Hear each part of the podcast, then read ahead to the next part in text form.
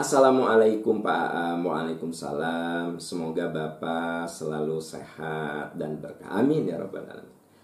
Saya mau nanya Pak, saya punya utang tapi udah lama sekali tahun 78. ya, tahun 78. Bagaimana saya bayarnya Pak? Harga sekarang atau harga dulu? Mohon penjelasan. Ya, hutang tahun 78. Harga dulu apa harga sekarang? Nah, tentu saja Anda kudu tanya. Anda berhutang ke siapa? Orang itu masih ada. Akang, saya tahun 78 tekan hutang ya. Saya tes 1500.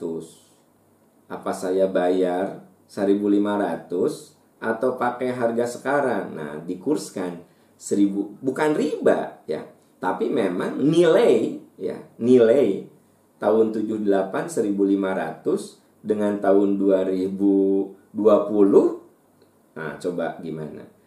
Jadi yang paling aman ya tentu saja dengan yang sekarang. Bukan riba itu bukan. Kenapa? Ya kita kayak misalnya gini saya pinjam emas ke anda ya. Sebut saja tahun 80 harga emas itu 100 ribu. Nah sekarang saya mau bayar. Nah masa masih dengan harga emas yang 100 ribu. Misalnya harga emas sekarang 100 ribu. Eh, harga emas sekarang 1 juta. Ya, belilah emas lagi. Beli emas, kasihin. Kang, dulu saya pinjam 10 gram ya. Nih 10 gram lagi. Ya tentu saja 10 gram dulu ya cuma sejuta. 10 gram sekarang jadi 10 juta. Tapi kan Anda mengembalikan emas itu gitu. Jadi bisa saja Anda kurskan. Tahun 78 coba searching aja di Google. Bisa kok. Tahun 78 harga emas berapa? Sebut saja harganya 50 ribu misalnya. Ya udah.